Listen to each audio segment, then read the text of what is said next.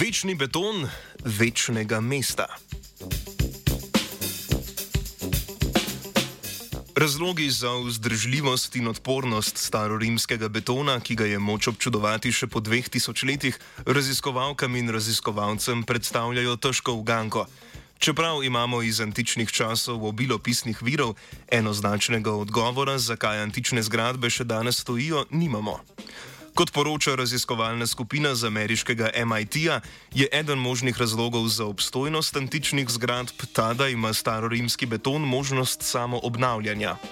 V članku objavljenem v reviji Science Advances so poleg analize sestave antičnih gradbenih materialov predstavili še svoj recept za beton, podoben starorimskemu, ki se je prav tako sposoben sam obnoviti.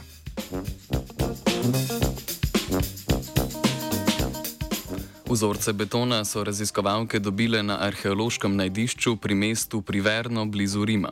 Za določitev mineralne sestave vzorcev so se poslužile različnih spektroskopskih in mikroskopskih tehnik.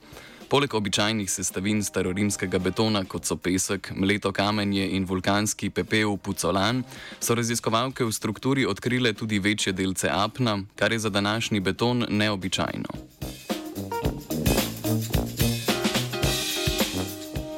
Iskanje razlage za prisotnost delcev apna v betonski strukturi je vodilo do ključne ugotovitve raziskovalne skupine.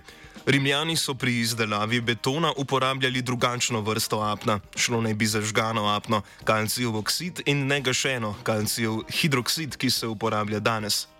Žgano apno pri mešanju z vodo in ostalimi komponentami betona sprošča več toplote, kar vodi do nastanka drugačnih zmesi kot v navadnem betonu, zato ima starorimski beton tudi drugačne mehanske lastnosti.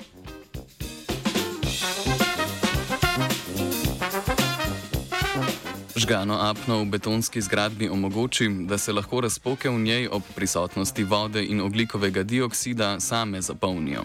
To so nedvoumno pokazali tako, da so izdelali in primerjali beton z žganim apnom in brez njega.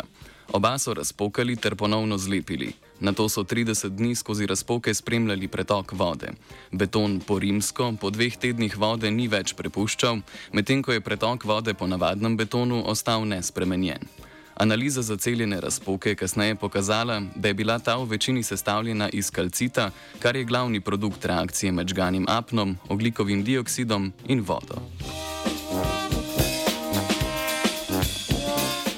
Raziskovalna skupina meni, da je nadaljne preučevanje starorimskega recepta za beton perspektivno, saj bi ga lahko v prihodnosti uporabili kot bolj trajnostno alternativo današnji mešanici.